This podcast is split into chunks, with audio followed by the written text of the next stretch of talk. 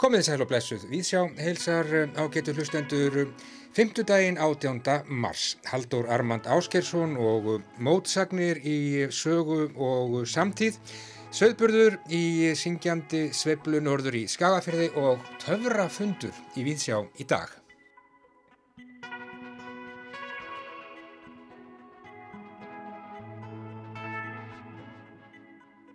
Höldum í dag í Hafnarfjörð, nánar til degi í Hafnarborg, en þar munu Ólafur Ólafsson og Líbia Kastró, nývaldir myndlistarmenn ársins á Íslensku myndlistarvelunum, opna síningu sína Töfra fund um næstu helgi.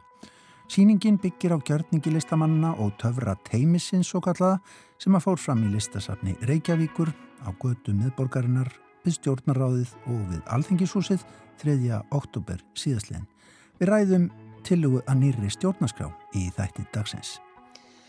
Haldur Armand Áskersson, reytöfundur, hann er nýr pislahöfundur viðsjár en eh, hann er auðvitað hlustundum rásarreitt að góðu kunnur fyrir pisla sem hann hefur flutti í lestinni á undanförnum árum. Haldur hefur verið pislahöfundur í lestinni allt frá því að hún brunaði fyrst af stað hausti 2016. Haldur talar í viðsjá á 50 dögum um mótsagnir í sögu og samtíð og uh, eitthvað kemur kunnuglegur frasi við sögu hjá Haldóri í dag. Og söðburður og sveipludansar koma við sögu að gefnu tilefni í Víðsjá í dag. Við ætlum að byrja nákvæmlega þar í syngjandi sveiplu.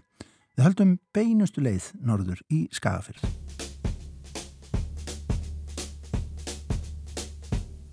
Nú er ég léttur, já orðin nokkuð þéttur, ég er í og elskar hvert sem er. Bændum á geirmyndarstöðinni skafið bara á heldur betur í gæð þegar ær sem átti að rýja tók upp á því að bera tveimurna bóndin segir ómúlegt að vita hvað fór úrskeiðis en hefur einn grunan að allu saman titra ég af ástil þín og elskal mín. Já er ekki veröldin dásamleg nú er ég léttur. Sko, 15. mars var ég flemtri slegin í miðjum rúningi. Söðburður leið dagsins ljós með smá snúningi. Lamba kongur og lamba drottning kíkt í heiminn og þá er spurningin hvern á ég að kæra.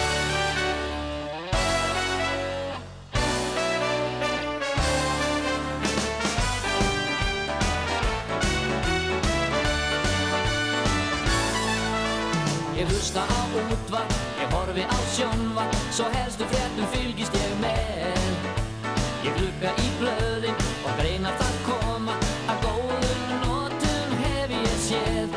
En alls konar þættir um þjóðfélagsmálin Er það sem gerir úslæðið hér. Svo ég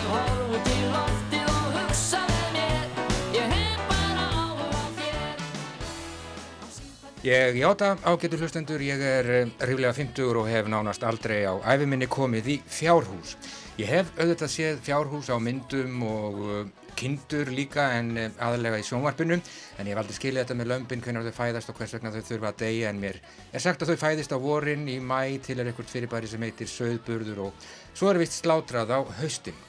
Ég var að horfa á kvöldfréttir sjónvarps á þriðudags kvöld, hvern sé ég þá Annan en sjálfan Sveiplukongin Germund Valtísson í miðju fjárhúsu í miðjum Skagafyrði. Ég hef reyndar ekki hugmynd um það hvar miðja Skagafjörðar er. Germundur var klættur í svona múnderingu sem eh, maður sér hvergi nema í landanum með ljómandi fallega svarta prjónahúfu sem skartaði einhverjum dýramyndum. Þetta var maður við störf. Það er hressandi að sjá fólk vinna þegar maður flatmagar sjálfur vita gagslaus fyrir framann sjónvarpið á þriðjudags kvöldi.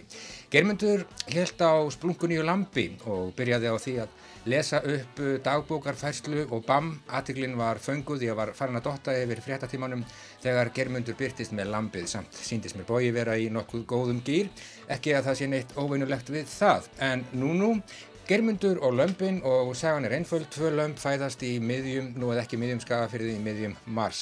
Allt og snemma heyrðist mér á bóndanum og sveplu konginum þar sem hann stóð í miðju fjárhúsi, alltaf verið með kindur, sagði germundur, kannski ekki svona margar en samt kindur og Nú er maður ekkert spilaður í útvarpinu, maður eldist, maður verður að gera eitthvað, Geirmundur orðaði þetta ekki beilinni svona, ég er að leggja um orði í munn, en það var engin beturleiki í orðum hans hreint engin, bara svona hrein staðreind, Geirmundur var bara reglulega léttur. Nú við enda bara, reyndið mistum allt það sem við vorum með, enda bara af undrun, yfir að sjá bara lamp vera koma í heiminn. 15. mars, þetta er náttúrulega ekki sko. Sauðburðu byrja hjá mér um mánuðamót apri-mæ.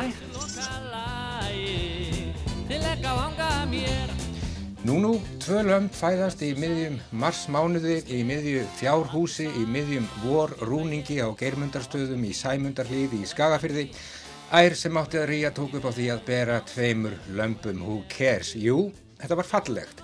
Lambakongur og lambadrottning kíktu í heiminn, las geirmundur upp úr dagbókarfærslu á lúnum miða með lambið í fanginu. 15. mars, lífið maður minn, hugsaði ég fyrir framann sjónvarpið á þriðjudagskvöld og gladvaknaði, lífsins melodi, lífið lætur ekki að sér hæða, það verður ekki reiknað út, það kemur bara þegar það kemur og um, ef út í það er farið fer auðvitað bara þegar það fer. Talið barst að faðerninu hvern á að kæra, las germundur af bladi í upphafi fréttar. Nú nú, eitt likur undir grunn, sagði germundur með lampi í fanginu og þá lifnaði reglulega yfir mér. Myndavillinni var beint að vinarlegum hrút í annari stíu, heitir þetta ekki örglega stíja. Ég hef þennan undir grunn, sagði germundur og benti á hrútin sem var sakleysið uppmálað. Það hefur bara verið fjör hérna, sagði germundur kankvís. Einhverjir hafa náð hér saman. Hvað heldur að hafa gerst? Nú það hefur bara verið bara fjör. Það hefur bara verið fjör hérna og, og hérna, já, nú, nú, nú og hérna það hefur bara verið í fjöru og, og bara einhver náði eitthvað saman, það er grínlegt.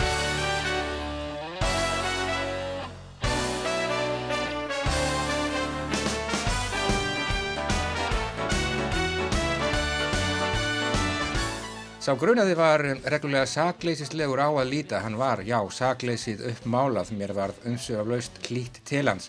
Samt var eins og hann myndi óljóst en bara óljóst eftir einhverju kannski var eins og hann vissi upp á sig skömmina í sínum sviða haus kannski var eins og hann væri að raula innra með sér lægið ég hef bara áhuga á þér Ertu búinn að finna sökudólkin? Nei, ég grunar það. Ég grunar það. Ég á hérna eitt hérna ungan sem er hérna í rótunum. Ég, ég, ég, ég, ég bara grunar hann, ég veit ekkert um það. Frá því að ég sá fréttina um Geirmund og Lömpin hef ég ekki hugsað um annað en Geirmund og Lömpin. Þau voru þarna sólarring skumul. Geirmundur auglisti eftir nöfnum á Lömpin í fréttinni í kvöldfréttatíma sjónvarps á þriðudag og um, ég hef svo sannlega hugsað með mér hvað eiga þau einlega heita Lömpin af því að ég hef eiginlega aldrei komið í fjárhús og aldrei skýrt Lömp. Hefur mér gengið illa að finna réttu nöfnin, Tristan og Ísald, Flórens og Blankiflúr, Bánsi og Bellisent, ég bara veit það ekki. Hvað um Lón og Dón, Póstur og Sými, Yngvar og Gilvi, Bjötraldi og Lúsotti, nei, það gengur ekki, Gósi og Sósa, Harry og Megan, BG og Yngibjörg, ég veit það ekki, ég er alveg vonlaus í þessu.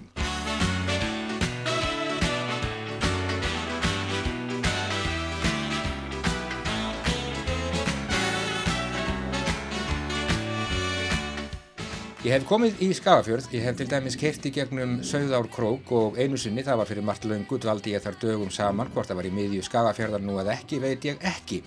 En ég þekki vindin þarna og veit að vindurinn mun áður en langt um líður, kvísla einhverju fallegu, kannski fallegum nöfnum að germundi valtísinni.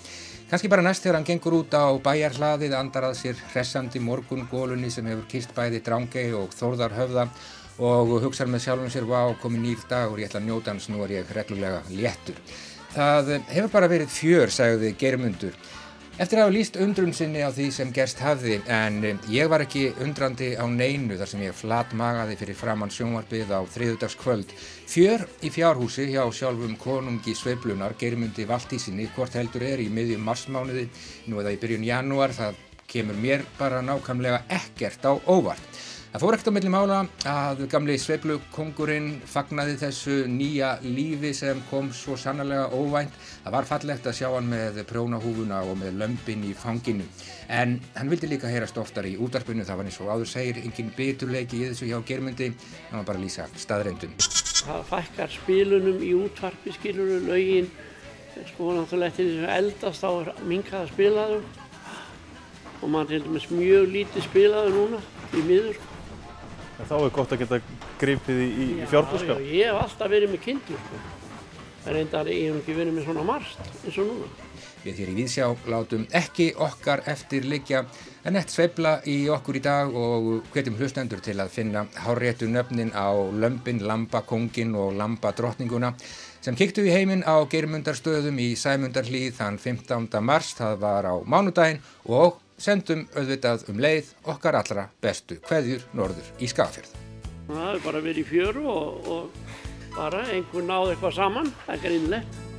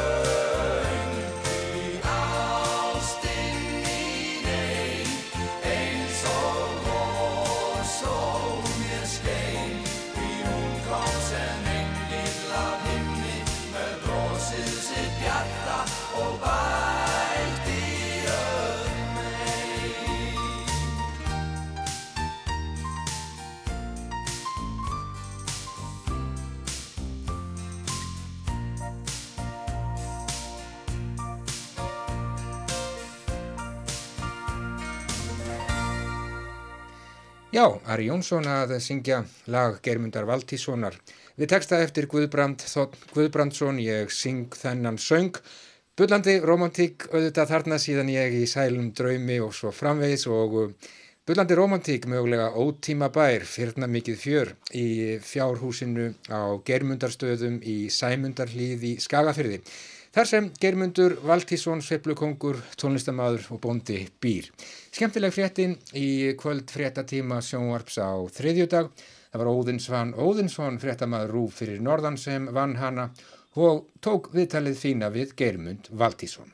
En þá að öðrum, Haldur Armand Áskersson, reytöfundur, er hlustendum rásar eitt að góðukunnur. Hann hefur á undanförnum árum vakið aðtekli fyrir pistla sem hann hefur flutt í lestinni, sýstur þætti Víðsjár. Hann hefur endar verið pistlahöfundur þar allt frá því að lestin brunið af stað haustið 2016. Haldur hefur nú haft vistaskipti og ætlar að taka til máls hér í Víðsjá á 50 dögum framvegis. Hann ætlar að tala um mótsagnir í sögu og samtíð. Og við hér í Víðsjá bjóðum Haldur Armand velkomin í þáttinn. Gefum húnum núna orðið.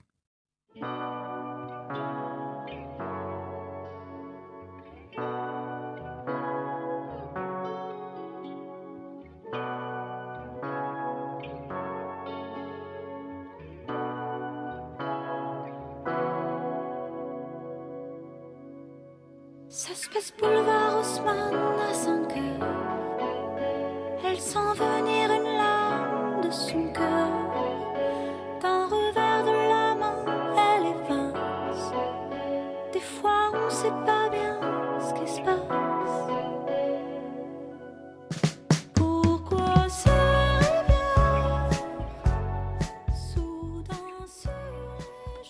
Ég gerði þau mistök á körfuboltaleikum daginn að taka niður grímuna í stúkunni. Forsagan er svo að þremur dögum áður hafði ég mætt á annan körfuboltaleik í öðrum borgarhluta þar sem fólk var með grímur þegar það var á vappi en tók þar síðan niður í sætinu sínu. Og þennan sama dag hafði ég sjálfur síðan verið að spila körfuboltan og afreikaði það að fá boltan alveg svakalega fast í andlitið beint á trínið af engu færi svo mér var illt í nefinu. Allavega ég dreg grímina niður í fámennri stúkunni leikurinn hefst. En síðan veit ég því aðtegli að það er trítil óður maður niður á gólfi. Ég átta mig ekki á því strax að heift hans beinist að mér en fattalóksins að hann er að predika reyðilestur um að láta henda mér út fyrir að vera ekki með grímu. Hann hafði auðvitað rétt fyrir sér en það var þessi ofbóðslega heift, eitthvað sem mér fannst ígjulust með að kalla heilaga reyði sem satt svo litið í mér. Var mannskilningur og ímyndunarafl mannsins af svo skortnum skamti að honum var ófært að hugsa með sér að mögulega hefði ég bara gert mistök að mögulega hefði verið allt aðrar reglur í gangi í nákvæmlega sömu aðstæðum þremur dögum áður og að mögulega væri ég í þokkabót að drepast í helvitis nefinu sem gríman erti. Já, ég stóð sjálf með að því að hugsa alls konar nasti hluti um þennan samborgara minn. COVID er mikil gósen tíð fyrir svona fólk, hugsaði ég bytur með mér.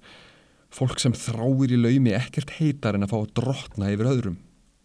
Ég setta á mig grímuna og hnussaði. Nokkrum dögum síðar sá ég að tilkynnt hafi verið til lögreglu um að sérst hefði til grímulausara áhörenda á íþróttaleikjum og sjálf hverja mín sannfærði mig á svipstundu um að núna væri ég komin upp á korktöflu í höfustöðum lögreglunar. Nokkrum dögum síðar var ég mættur í þriðja íþróttahúsið á þriðja leikin á skömmum tíma. Í þetta skiptið tók ég ekki niður grímuna og þar flutti vallarþölurinn innblásna ræðu fyrir leik um þá mikilvægu staðrind að við værum öll almannavarnir. Það er eitthvað við það að heyra því líst skiliris og efasamdalust yfir í kallkerfi á ofinbyrjum íþróttaleik að við séum öll einhvers konar öryggis lögregla ríkisins sem lætur manni renna kallt vatn milli skins og hörns. Ég efast ekki um að hugsunin að baki þessum frasa hafi verið meinlaus og velviljuð að það sé almenn kurtesi á tímum sem þessum að þvó sér og vera ekki að væplast með hendunar upp í sjálfum sér eða öðrum. En það sem ég óttast er að hann hafi alls konar aðrar og verri afleðingar í förmið sér, til dæmis stjórnlindi, umburðarleysi og heilaga reyði í garð annara. Þetta er hryllilegur frasi því hann er kvartning til fólksum að haga sér eins og lögregla gagvart samborgurum sínum í skjóli ríkis sannleikans. Það verður svo til þess að þau sem búið er að ræða líftórna úr fara að taka sér valdbeitingarleifi gagvart öðrum sem þau telja eign við almanna öryggi. Ekkert fær fólk til þess að grafa jafn hratt undan sínum eigin hagsmunum og ótti. Í hálfleik fór frendi minn á klósettið og ég byrjaði að hugsa um John Stuart Mill og bók hans um frelsið frá síðari hluta 19. aldar. Já, frelsi. Hvað merkir þetta orði eiginlega í dag? Hér á Íslandi hefur það förðuleg hugreiningartengsl við hérna frægu lýsingu íslenska hægrisins á sjálfu sér. Fólkinu sem gerir þær hófstultu kröfur til heimsins að fá að græða á daginn og grilla á kvöldin. En sannleikurinn er sá að á Íslandi er engin flokkur, korki til hæri en ég vinstri, sem hefur raunverulegan áhuga á því að skapa frjálsara samfélag. Ef minnið verð ekki bregðast mér voru rauksemdir Mills eitthvað á þessa vegu. Kallin var á því að evi og önnur sjónarhorn séu hvað verðmætust í ástandi þar sem allir eru sammála, kannski þar sem allir eru almannavarnir. Frelsi er fjölbreytileiki og í fjölbreytileika dafnar mannsálinn best, daldi Mill. Það er samfélagi manna til heilla að fólk lifi lífinu með eins fjölbreytum hætti og hætti er og hafi sem allra ólíkastar skoðanir á sem flestum málefnum. Þetta fer í senn í bágavið og samræmist einni af skilgarinandi megin mótsögnum okkar tíma. Það er svo hugsun að sjálfsagt sé að vilja í senn banna alls konar skoðanir og úthýsa ymsu fólki á grundvelli þessara skoðana á sama tíma og fjölbreytileikanum er linnulaust fagnað, hvort sem það er í týstum á netinu, ávörpum stjórnmánafólks eða auglýsingum stórfyrirtækja. Við erum öll almannavarnir sem fagna fjölbreytileikanum. Hér á landi ríkir að ég held að mig segja talsverð ánægja með það hvernig glýmt hefur verið við faraldurinn en það hefur traust til yfirvalda aukist jamt og þétt í hlutfalli við dvínandi mannreittindi. Forsætisráþra var nýlega í viðtali við bandarísku fréttastöðuna NBC News sem efnislega fjallaði um hérna tímalausu spurningu um hvað heimsbyðin getur lært af Íslendingum í þessu tilviki þegar kemur að því að knésetja eiturpláur. Svari var að Íslandingar séu upplýstir og hafi hlustað á vísindamenn, auk þess sem hlýðinni þjóðarinnar eigi sér fáa jafnoka á heimsvísu. Vissulega hefur gengið mjög vel að hveða niður pláuna hér á landi en með gruna sjálfan að það hafi ekkert með það að gera að Íslandingar aðhyllist upplýsinga og vísindatrú af meiri sannfæringu en annað fólk eða að fylgispekt þjóðarinnar sé eitthvað einstök. Ég held að það hefði meira með það að gera að Ísland er ör þjóðfélag og í þokkabót eiga með hérumbil endalusu plássi sem er allt annars eðlis en stærri samfélag. Til dæmis að því leiti að það er mjög einsleitt og einn af kostum og göllum einsleitni er að það er auðveldara að samræma hegðun. Hér hefur því líka talsert verið haldið á lofti að lokunar aðgerðir hafi verið mildari hér en annar staðar en ég held líka að það tengist ekkert sérstöðu íslensku þjóðarinnar eða lofsverðri hófsemi yfirvalda heldur óvinnilegum aðstæðum.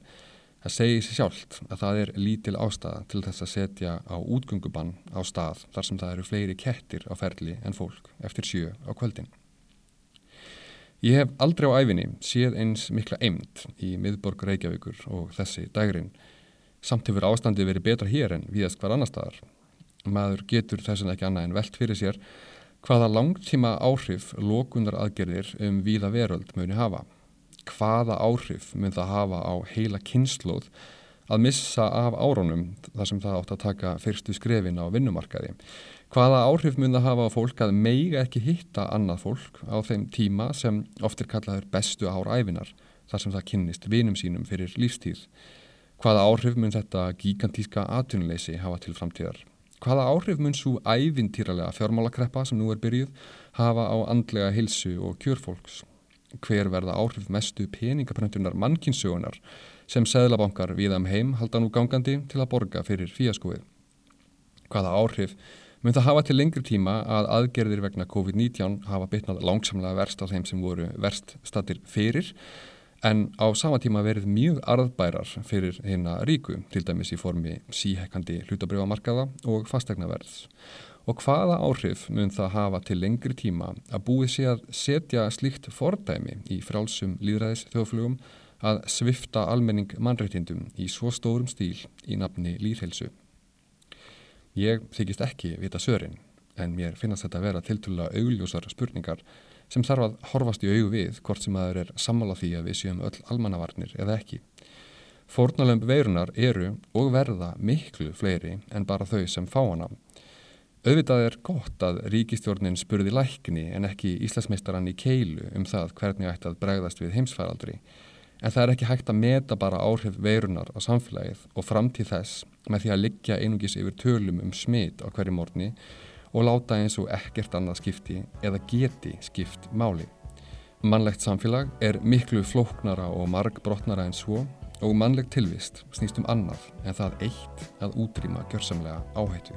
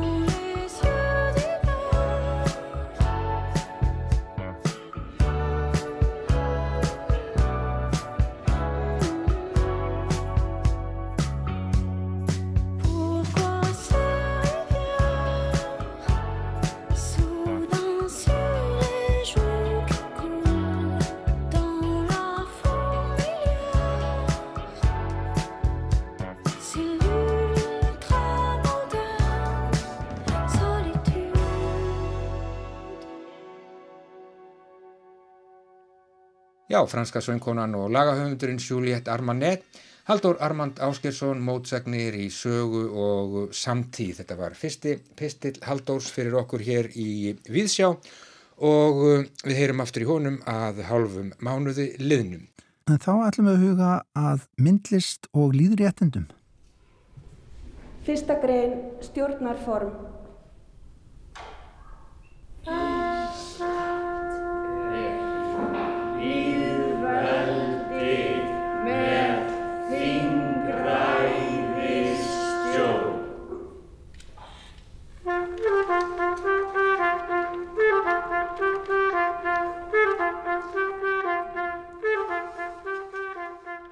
Við erum að hlusta á hljóðrás úr gjörningi á getur hlustendur. Önnur grein handhafar ríkisvald. Myndbandsheimild um gjörning. Næst hér í Víðsjá ætlum við eins og svo ofta áður í þessum þætti að trubla myndlistarmenn sem er í óða önn að ganga frá síningu sem brátt verður opnuð.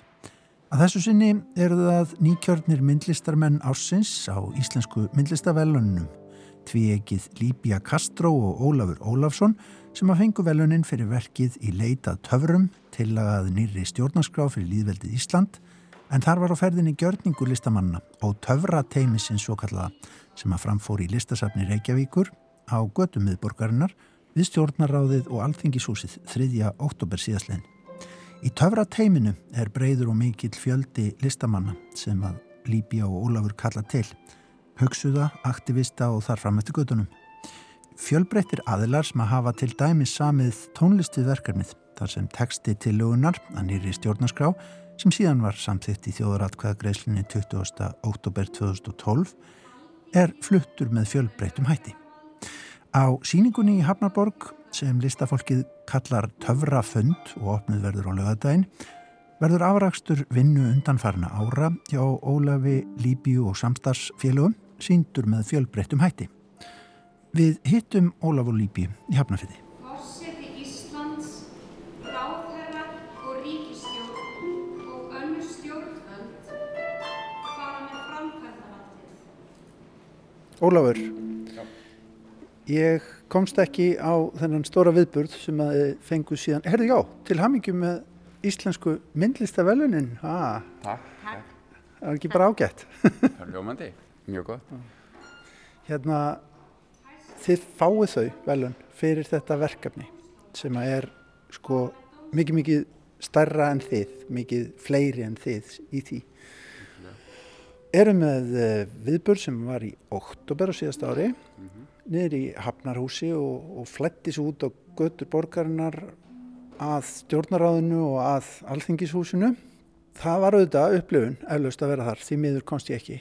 En hérna, síðan á að miðla þessu hér í Hafnarfyrði. Uh, hvernig miðla maður stemmingu svona, á svona reysastórum viðburði sem að hérna fór fram henni í oktober?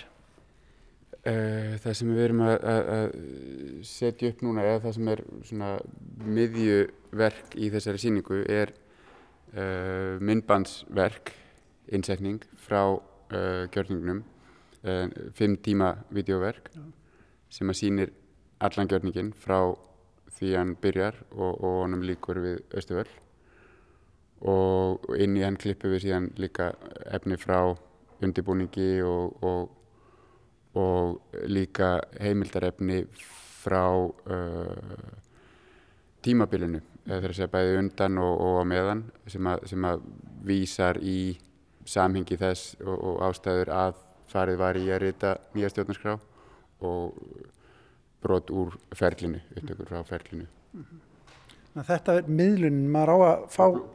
Plúst að, við- setjum upp alla, alla, alla umgjörðin eða borðana og annað sem, að, sem að var í portinu. Og, og við tókum síðan þá líka reyndar með okkur út úr portinu, við tókum eiginlega, við erum búin að setja þessa, þessa borða og þe- þessa, þessi verk uh, nokkur sem setja þau upp og taka niður uh, bæði þar og hér. svo var þetta borið um, um bæinn ekki satt. Sko nýju stjórnarskrána takk stendur hérna bara á, á risastórum risastóri stafir eh, ég rak augun í þetta hérna þetta er einhvers konar ábendingar seðil eh, út kannski til ég að lesa þetta hérna þetta er sem sagt það er hægt að senda ábendingu hérna annars vegar til stjórnlagaþings, alþingis, fjölmiðla það, hér er verið að krossa í alþingisreitin Já. Hér er ábendingin lestu fyrir mig ábendinguna Ábendingar um áframhaldandi starf eða ferli, ekki móðga þjóðin með því að fara ekki að tillögum stjórnlega þings þó það stríði gegn hagsmunum ykkar. Skrifi skýrt í hástöðum, verið málefnileg og eins nýtmið og hægt er miðið við tíu orð. Já. Þetta eru uh, uh, segja, afritanir, uh, stækkanir, uh, kópjur af, af hérna, miðum sem að voru uh, notaðir og fylltir út af þáttekendum, uh, nú er ég ekki alveg viss hvort það var 2009 þjóðfundur, ég held að það verið 2009 þjóðfundurinn Mhm. uh, og það voru lilli grænir miðar sem að fólk hatt fyllt inn og, og einmitt komið með ábendingar til ímist stjórnlega þings, alþingis eða fjölmiðla varðandi ferlið. Þetta eru svona svolítið svona back to the future miðar miðar. og hinn hérna á hinnum stendur sem er líka ábending til alþingis uh, ábending um, framhald, um áframhaldandi starfið að ferli að vinnuferlið verði opið og gegnsætt Já. Þetta eru skilabóður fortíðinni. Já. þannig séð. Já, einmitt. Ekta skilabóð. Já. Já, Já. já. sem okkur þykir mjög viðandi og mikilvægt að, að, að koma áfram á framfæri og, og, og við munum líka að fá nokkra af þessum orginalmiðum uh, lánaða frá þjóðskjálasafninu og verða með hér í, í glerborði. Þetta er til og er varðveitt með þeim hætti. Þetta er bara á þjóðskælsamnu. Já. Við bara yfirferðum, tókum mynd og yfirferðum á glæru þessa borða, eða þessi, þessi, þessa miða og, og vörpuðum svo á stóra borða sem eru eitthvað, eitthvað fjórir og hálfu sinni fjórir eða eitthvað að stærð og, og máluðum bara með handskrift viðkomandi. Uh, þannig að þeir- Exactly the same. They are exactly the same but amplified and of course now they have also become uh, banners and paintings they are painted Mhm. we didn't print it we wanted to have both readings of the work to Ah. have the reading as a banner but also to have the reading as a as a painting in the in the context of an exhibition Exactly. Uh, if I ask you, uh, as you know, being here for for the whole period of, of this situation going on with, with uh, the stjórnarskrá. Uh, Ég spyr Líbíu Kastró út í það hvernig hún sé spurð út í málið til dæmis frá Spáni. Hvað útlendingum finnist um tilraunir landsmanna til að byggja nýjan grundvöld undir samlíf okkar hér á þessu landi með tilvunni að nýri stjórnarskrá. I think people had the idea when it was happening that it actually was implemented because it came so far to have a public referendum as well and people had been from out of Spain, definitely from out of Spain, following it yeah. pretty uh, much. And they were very inspired also with what was happening because this was also connected to the other uprises that happened in different countries in Europe, in the north of Africa, in South America, in the United States. They all came as a resetting, rethinking of the political frame and the social uh, frame and the economic frame through the crisis. And Iceland was, of course, a very inspiring uh, example of how people took responsibility to actually rewrite something as important as the Constitution. Erlendis voru flestir með á hreinu. Að nýri stjórnarskrá hefði einfallega verið hrind í framkvæmt hér á landi og hún gerða lögum. Margir fylgdust grant með og voru innblásnir yfir því hvernig Íslandingar verðust taka þennan lagagrundvöld sinn förstum tökum.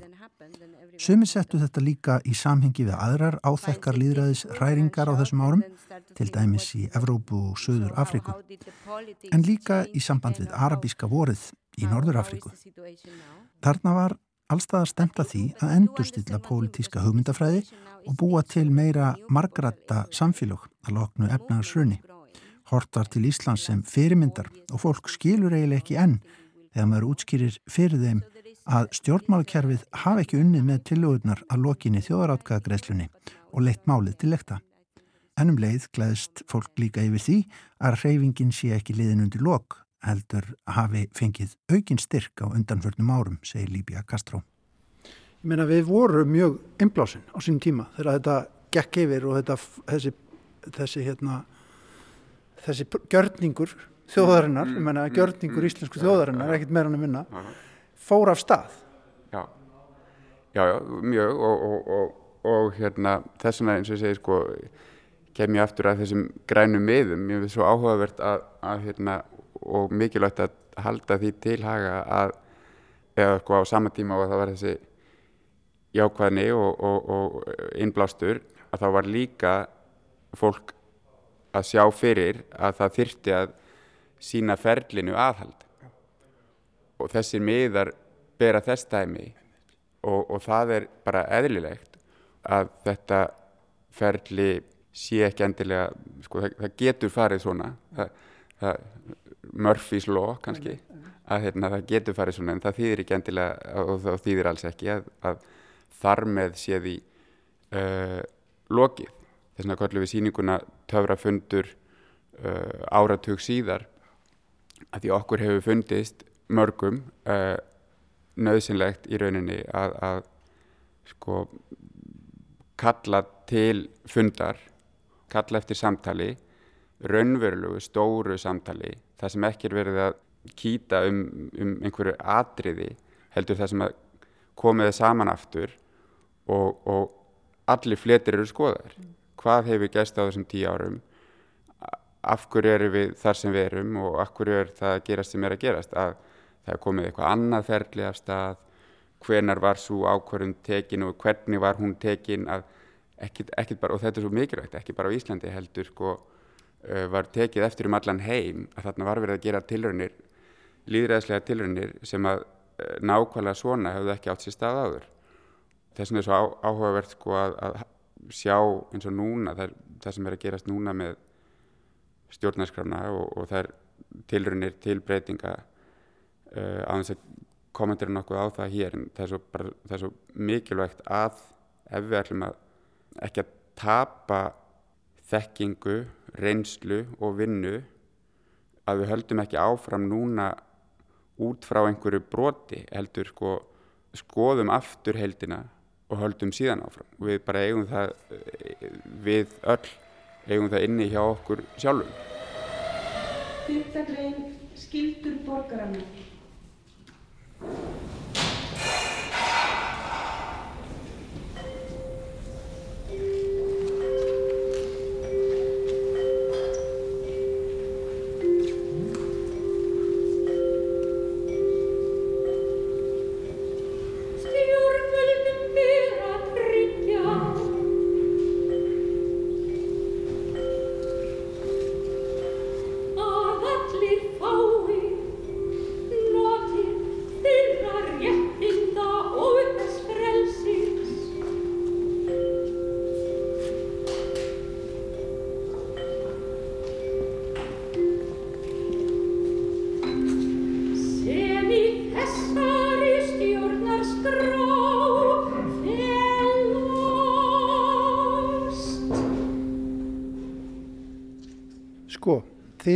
Sem, hvað að segja, uh, ég segi það bara, uh, einhvers konar, einhvers konar verkstjórar í listarmi stjórnarskrár málsins, þessarar nýju stjórnarskrár. Ég meina þeir eru búin að kalla til aktivista, búin að kalla til tónskál, tónlistamenn, alls konar listafólk og, og, alls konar hugsuði og allt mögulegt í kringum, kringum þetta verkefni ykkar. En hvernig virkar listarmurinn inn í baráttunni einhvern veginn, ertu búin að sjá það hvernig hérna, fyrir þér hverju þið skilið í baráttunni Eitt er náttúrulega aðtegli að, kalla eftir, eftir hljóðnumannum að spyrjast fyrir um hver hefur dagskrárvaldið og hver setur dagskrána og, og að sem flestir hafi tækifæri til að taka þátt í því að setja dagskrána og hún sé rætt sem uh, opnast og uh, líka er það spurning sem við fáum stundum uh, er sko uh, og er mjög áhugaverð það er sko hvernig, hvernig það sé áhugavert fyrir listamenn eða listina að takast á við eitthvað sem að, og þá er notað stundum orðið þurrt svona þurrt efni eins og stjórnarskrá lagateksta þessi hugmynd að þetta sé þurrt mál uh, er jafnvel eina af ástæðanum fyrir því að hverju við erum að fást við það. Ef við segjum að stjórnarskrá sé þurrt mál eða óspennandi mál þá erum við bara um leið að segja að líf okkar og, og, og samfélag er bara óspennandi og þurr hlutur. Og svolítið svona getum við bara að pakka saman og hætt þessu. Af því að hérna sko, þarna er verið að fjalla um allt allan pakkan, það er ekki bara sko eitthvað svona grunninn. já, já, bara það, fólk kannski áttar sig ekki endilega á því, jú, ég held að fólk alveg áttar sig á því, ég held að auð, ég, fólk áttar sig alveg á því en ég, það er samt áhugaverð sko af hverju af hverju þessi hugmynd helst lifandi og hvernig henn er haldið lifandi. Og kannski er það bara kannski er hún hluti af því að reyna að ópolítisera fólk. En sko auðvitað stjórnarskráin fjallar um ekki bara eitthvað utanaðkomandi eða eitthvað, eitthvað utan við líf okkar eða heldur hún fjallar bara um réttindi fólks og, og skildur og, og er ofbóðslega er sko, mjög tilfinninga þrungi plagg. Og þannig er verið að taka þannig er verið að skipuleika og, og setja hvað ég segja í form það samfélag sem við búum í og hvað, við, hvað við getum og getum ekki og megum og megum ekki. Og þannig að, sko, þannig að listin sko, fyrir mér er bara sko, kemur alltaf í kollin sko, spurning á móti. Meina hvað er listrænt við fjall? Eða, eða hvað er listrænt við hvað? Skilur hvað sem er. Og, og, og ef pólitík er ekki tilfinninga þrungin sko, pólitík er náttúrulega sko gríðarlega tilfinninga þrungið mál sko þessi málumni þetta er bara ja, gríðarlega tilfinninga þrungin mál eins og bara hvað sem helst sko.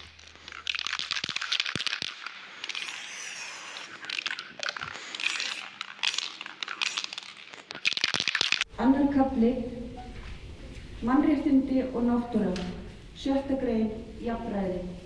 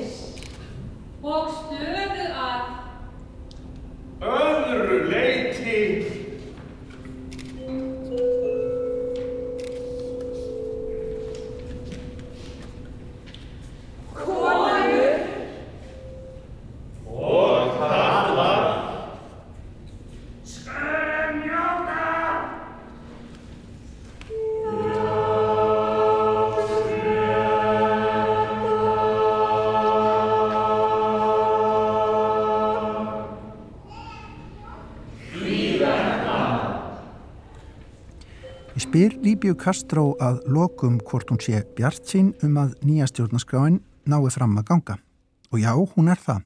Hefur trú á að þungin að baki henni sé að aukast, reyfingin að stækka, stjórnmálakerfið þurfið að taka við sér að lokum og jú, kostningar séu í nánd. Yes, I am. Yes, I, I, I, I'm very positive about the moment now.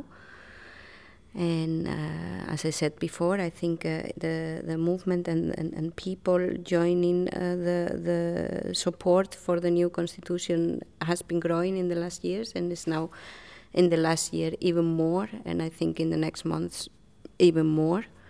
So I think, yeah, I think it's, it's also, of course, it's, it's this question all the time because this is civil and social politics, and then you have the party politics.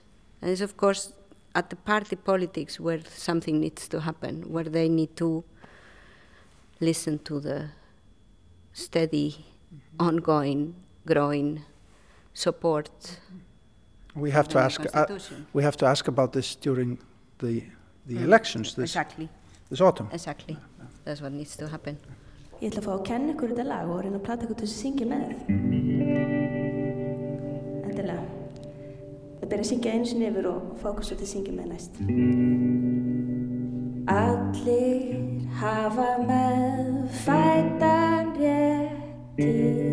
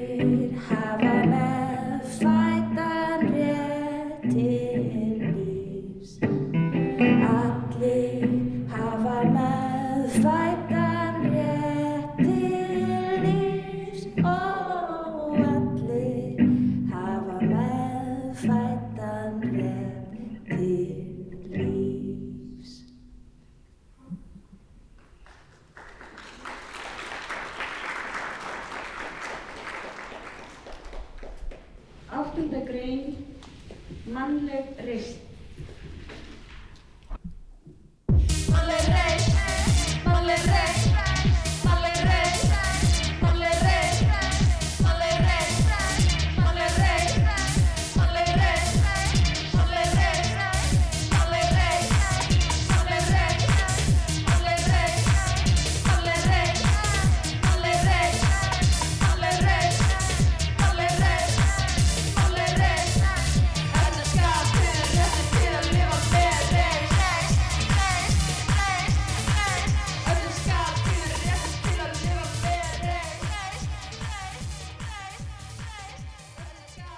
Hljóðbrot úr eh, mynd sem að er hjartað í síningu Ólafs Ólafssonar og Líbíu Kastró síningu sem opnar í Hafnarborg í Hafnarfyrði núnum næstu helgi.